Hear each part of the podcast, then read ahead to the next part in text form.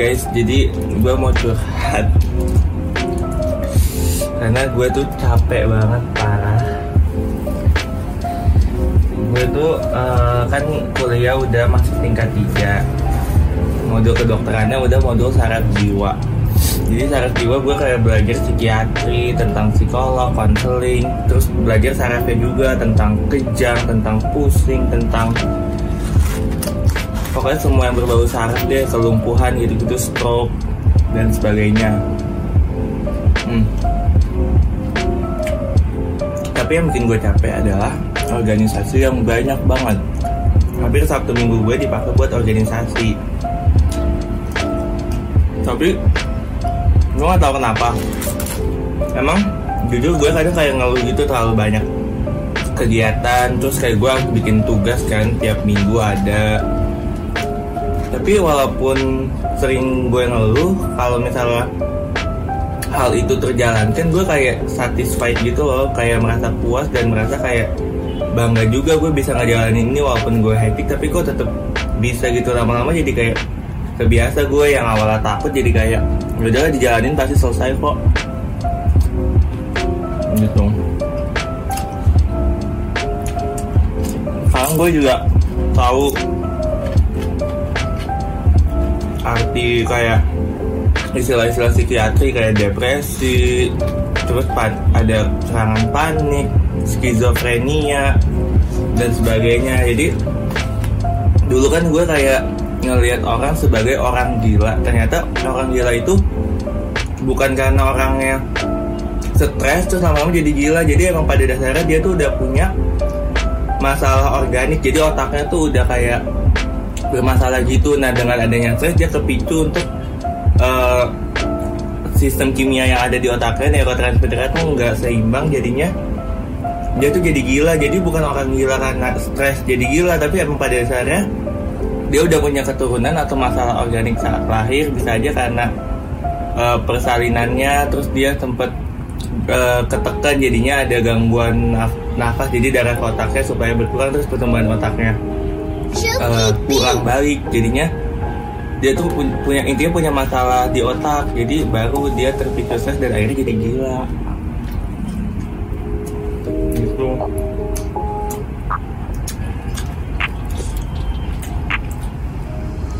Dan orang-orang yang punya entah minum dulu.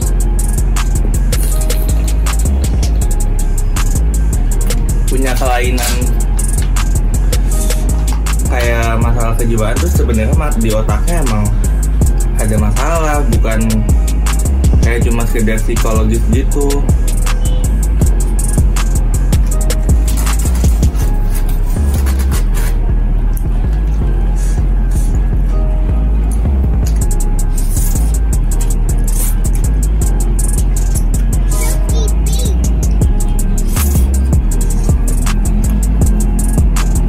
belajar vertigo juga. Ternyata vertigo tuh kalau yang karena perubahan posisi lini pengobatan pertama itu bukan pakai obat tapi pakai kayak di manuver digerakin gitu kepalanya sama dokter.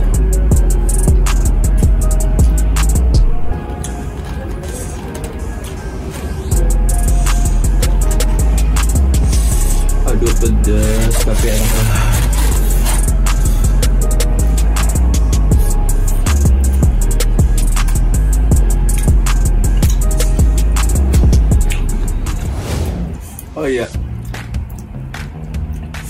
Terus minggu lalu gue tuh harusnya ada suma hari suma tuh ujian ya.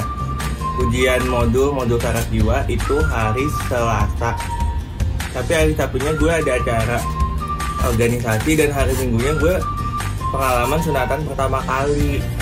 Nah, terus jadi gue cuma belajar ujian tuh di hari Senin cuma satu hari gue harus belajar semua kuliah dan gue benar-benar belajar ngebut. Jadi sistem belajar gue tuh sebenarnya kalau misalnya mau ujian gue tuh dengar uh, baca PPT sambil dengerin kuliahnya yang direkam sama temen gue nah tapi berhubung cuma tinggal satu hari ya nggak mungkin dong kalau gue dengerin rekamannya. Satu kuliah aja bisa kayak satu jam dua jam. Akhirnya biasanya gue, gue speed juga sih kita gue cepetin. Tapi karena ini udah nggak mungkin banget biasanya gue hamin tiga lah bisa kayak gitu jadi gue cuma hmm, apa? Cuma baca PPT kuliah dan gue cepet-cepetin skip skip skip gitu. Tapi ternyata gue alhamdulillah lancar nih ngejainnya.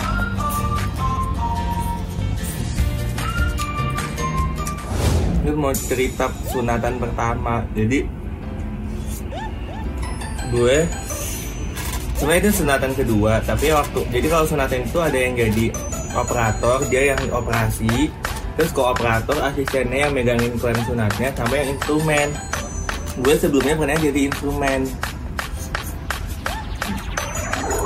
Instrumen itu yang saya ngambilin obat biusnya terus bukain kasa dan sebagainya. Cuma kayak bantuin alat-alatnya doang dan dia tuh sistemnya nggak steril. Jadi uh, instrumen nggak bisa megang pasiennya langsung karena nggak pakai gloves yang steril. Sedangkan kalau yang operator sama kooperator itu steril jadi bisa megang. Nah kemarin gue tuh dapat kesempatan buat jadi kooperator. Nah. Itu pertama kali gue dikasih kesempatan buat ngebius uh, penis anak kecil gitu itu benar-benar kayak kan sebelumnya gue udah belajar. Jadi kayak beneran berasa kayak ada sensasi menembus kertasnya terus kayak berasa pokoknya berasa banget dan, dan itu benar-benar habis dibius anaknya tuh beneran kayak hilang rasa sakit utamanya tapi masih ada rasa sakit sisanya gitu kan.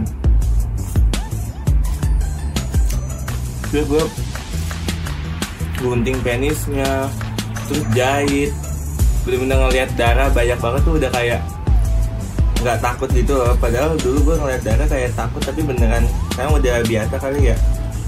Ngeliat kadaver juga dia udah nggak takut. Dan seneng banget ketika sunatan udah selesai kayak anaknya tuh seneng habis disunat. Terus kayak gue juga seneng bisa bantuin dia. Ini sekarang hari apa sih? Ini minggu. Kemarin sabtu sebenarnya jumat. Hari kamis gue ada job untuk nari jadi kan kalau di FKUI ada kayak seminar untuk tari. Nah kebetulan ketua seminarnya tahun ini tuh kembaran gue jadi gue, gue kayak banyak ditawarin ayo ikut nari ikut nari nah gue dapet job nari di konferensi Malaysia uh, Indonesia sama Brunei. Jadi semua ya audiens gue tuh profesor semua sama dekan-dekan dari fakultas di Brunei sama Malaysia. Ada juga dekan FKUI Prof Ari. Jadi kayak gue ngerasa bangga banget sih bisa nari nari Jakarta gitu sirih kuning namanya. Maaf ya gue agak ngecap soalnya ini pedes banget. Gak tahan gue kalau nggak buka mulut. Panas. Terus Sebelumnya Gue pernah Nari sirih kuning sama FKDC juga FKUDC DC itu dance company ya. Di acara lomba IMSPK jadi lomba fisiologi sedunia. Jadi kayak ya ikut 50 negara apa 60 negara. Tapi kayak kan harusnya tari sirip kuning tuh lagunya durasinya kan 5 menitan kan hampir 6 menit. Terus tiba-tiba waktu lagi gue tampil depan 50 negara dan ada Silverton dia pembuat buku visual yang terkenal itu. Tiba-tiba lagunya cuma dua menit. Terus kayak fade out gitu terus diulang lagi lagunya tuh kayak gue kesel gitu loh. Kayak gue udah belajar koreo panjang-panjang koreografi panjang-panjang. Taunya ada masalah sound kan kayak ngeselin dan jadinya audiens itu pada ketawa karena bingung soundnya kayak error gitu. Dengan gue kayak sedih gitu kan depan negara banyak banget. Tapi tahunnya jadinya ngulang-ngulang gitu. Jadi baru dua menit keulang baru dua menit keulang. Jadi kayak koreo gue diulang dari awal gitu sedih. Padahal gue udah belajar sampai habis. Terus habis itu kayak bisa kesel banget minta pengen ulang lagi tampilnya. Tapi nggak dikasih itu kayak orang soundnya minta maaf bahkan sampai nangis gitu. Gue sebenarnya nggak enak sih tapi kan itu emang salah soundnya kenapa dia malah play yang file itu padahal gini kita ngirim filenya yang MP3 yang nggak ada videonya. Tapi mereka bilang ini file yang ada video ondel-ondel jadi kayak kita tuh bingung mereka tuh kayaknya salah file nggak tahu mereka dapat dari mana mungkin dari YouTube kali ngambil ngasal terus jadinya audionya salah terus gue kecewa banget sih kayak di acara yang bergengsi gitu tapi malah soundnya salah. Emang sih soundnya itu yang ngurus mahasiswa juga tapi kayak kalau misalnya bingung kalau cek jangan sampai asal kayak gitu. Akhirnya gue sebenarnya itu kan pertama kali gue tampil gitu kan di job. Kayak gue sedih gitu kayak gue pengen membalas. Akhirnya di job MIB atau Malaysia Indonesia Brunei Conference gue dapet kesempatan buat ngebuktiin uh, untuk nantinya tuh full. Senang aduh pedas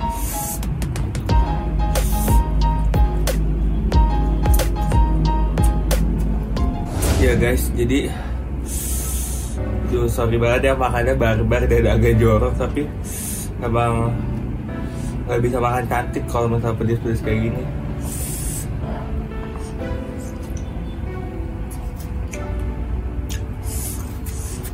Gue udah mulai agak kenyang dan bingung nih mau cerita apa lagi. Kalian kalau misalnya kepo tentang FKUI atau tentang hmm, kehidupan gue komen aja dong di bawah ntar gue bikin video sesuai yang kalian tahu oh iya kayak gue pengen ngasih tahu kayak gue tuh sebenarnya kayak selama ini minta subscribe gitu gitu karena YouTube gue tuh selama ini belum ada fee-nya gitu loh. Jadi emang kalau misalnya mau ada fee YouTube itu subscribernya harus 1000 nah sekarang subscriber gue masuk kayak 281 kayak masih jauh sih dari 1000 jadi kayak gue bikin uh, video YouTube cuma kayak buat fun aja. Karena gue seneng aja isi waktu dengan YouTube kalau bisa bagi-bagi ilmu juga kan buat kalian. Sama bagi pengalaman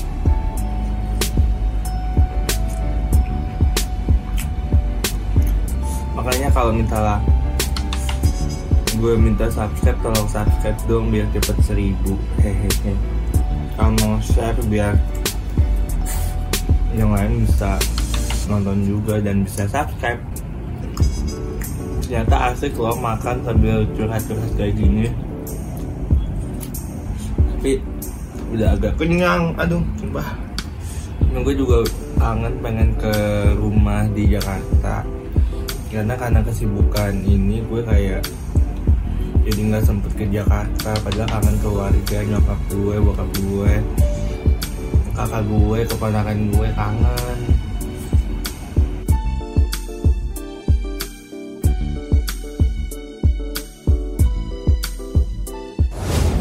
Tapi kayak hmm,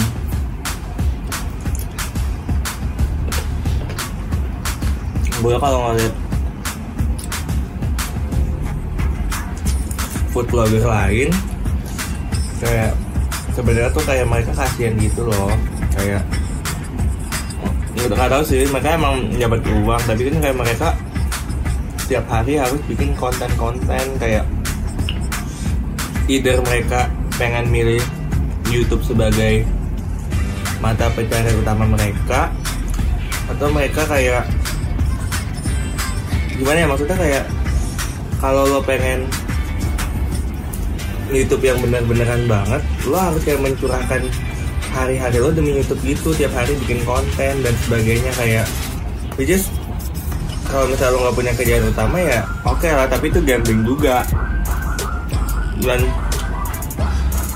kalau gue kan masih kayak mahasiswa ya ya udah gue sebenarnya ngisi waktu aja dan ngupload juga nggak bisa tiap hari. Jadi kayak paling seminggu sekali itu udah rutin. Yang penting sih gue konsistensi aja sih nggak harus sering-sering karena kesibukan gue juga cukup banyak kalau masih mahasiswa. Ikut belajar organisasi. Terus gue juga sebenarnya ada tugas. Yang harus gue selesain masih ada tiga tugas ya ampun. Tapi YouTube seru. Kayak bikin video bisa curhat terus lama-lama kalau gue ngeliat youtuber food vlogger yang biasa gue tonton lama-lama kayak bosen gitu. Jadi kayak emang bosen?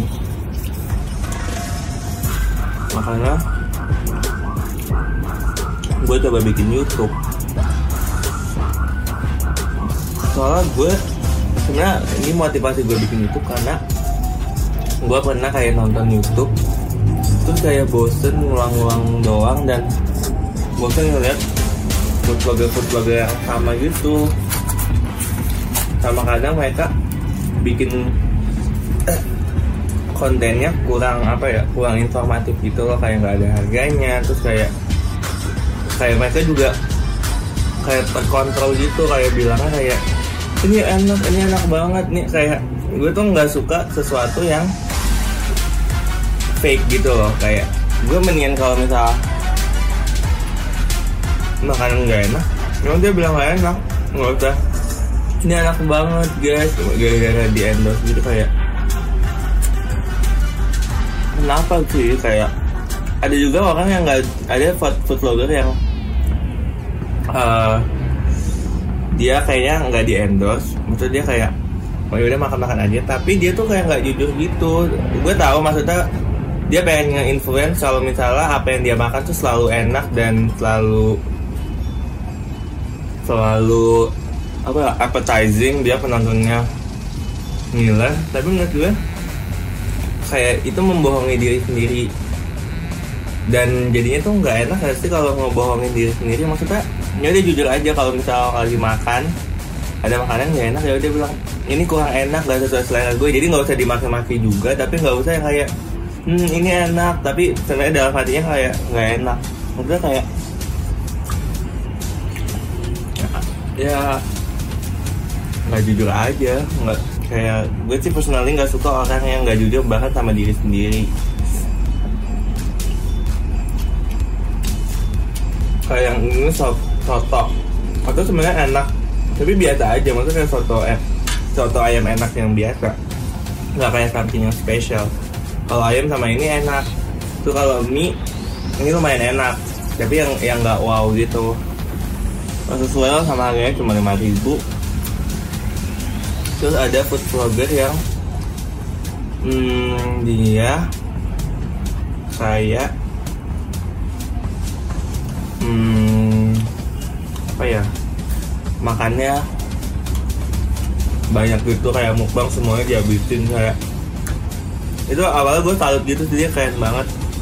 Kayak wow kulitnya kuat banget. Tapi lama-lama kayak itu nggak sehat ya sih kayak bikin dia sakit gitu.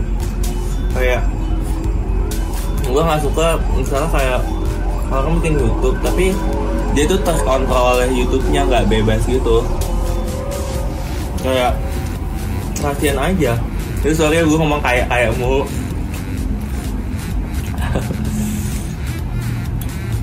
YouTube is the platform to enjoy bikin memori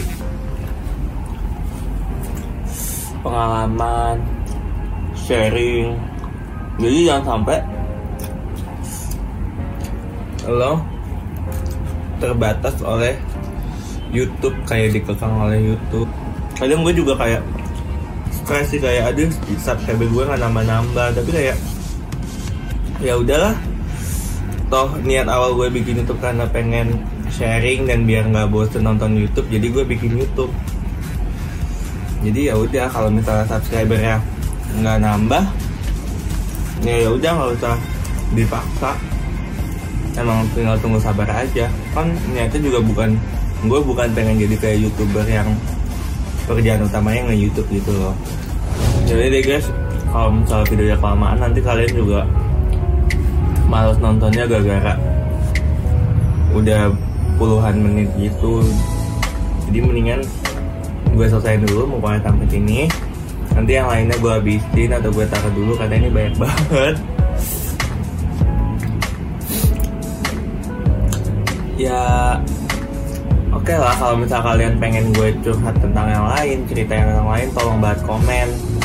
Kayak misalnya subscriber gue nggak nambah tapi kalau misalnya kalian nge-komen di bawah gue seneng aja gitu kayak bisa berteman dengan kalian gitu loh kayak dapat teman baru terus bisa kayak keep in touch kayak kalau berinteraksi.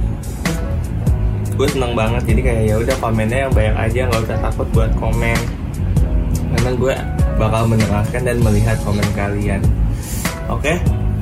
Sekian review ayam panggang Wonogiri hari ini gue seneng banget bisa curhat walaupun ngalor ngidul kepada mana tapi ya udah nggak apa-apa karena apa ya gue bisa mencurahkan perasaan gue capeknya gue beberapa minggu ini Oke okay guys, see you on the next vlog. Ada video ini tunggu ya setiap hari Senin jam 4. Bye bye.